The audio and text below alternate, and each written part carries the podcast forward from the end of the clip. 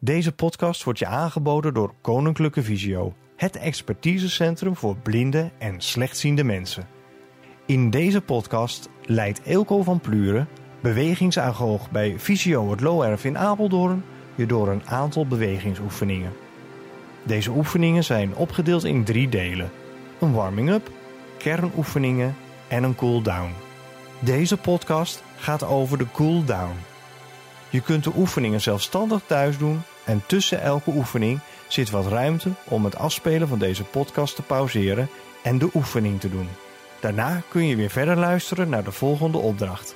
Er wordt aangegeven wanneer je de podcast kunt pauzeren. Veel plezier en succes! Goedendag, hier Ilke van Pluren weer van Visio het Looerf. Dit is het laatste fragment, uh, het derde fragment uh, in de serie Fitness Trainingen Thuis. We gaan nu accent leggen op cooling down. Het doel hiervan is dat je tot rust komt, dat je een beetje kan herstellen van de training. Belangrijk is dat je erg blijft letten op je ademhaling.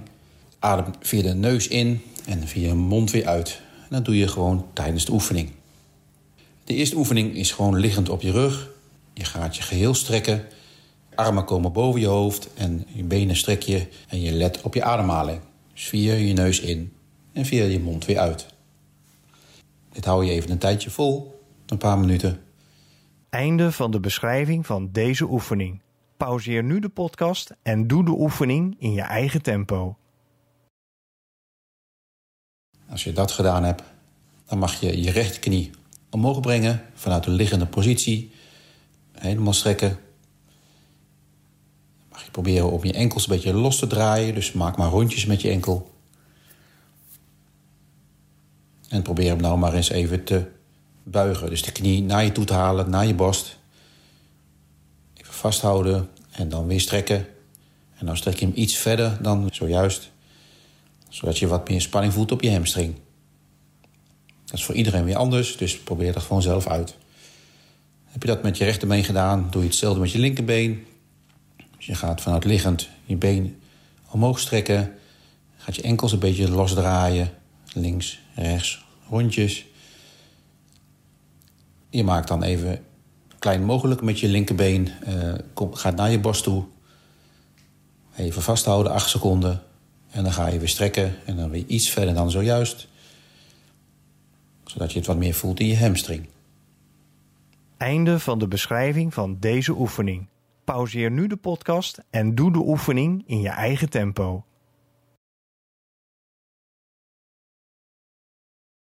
Heb je dat gedaan, maak je jezelf zo klein mogelijk. Dus je schouders komen van de grond. Je pakt jezelf bij je scheenbeen vast en je knieën komen naar je borst. Dus maak je maar zo klein mogelijk.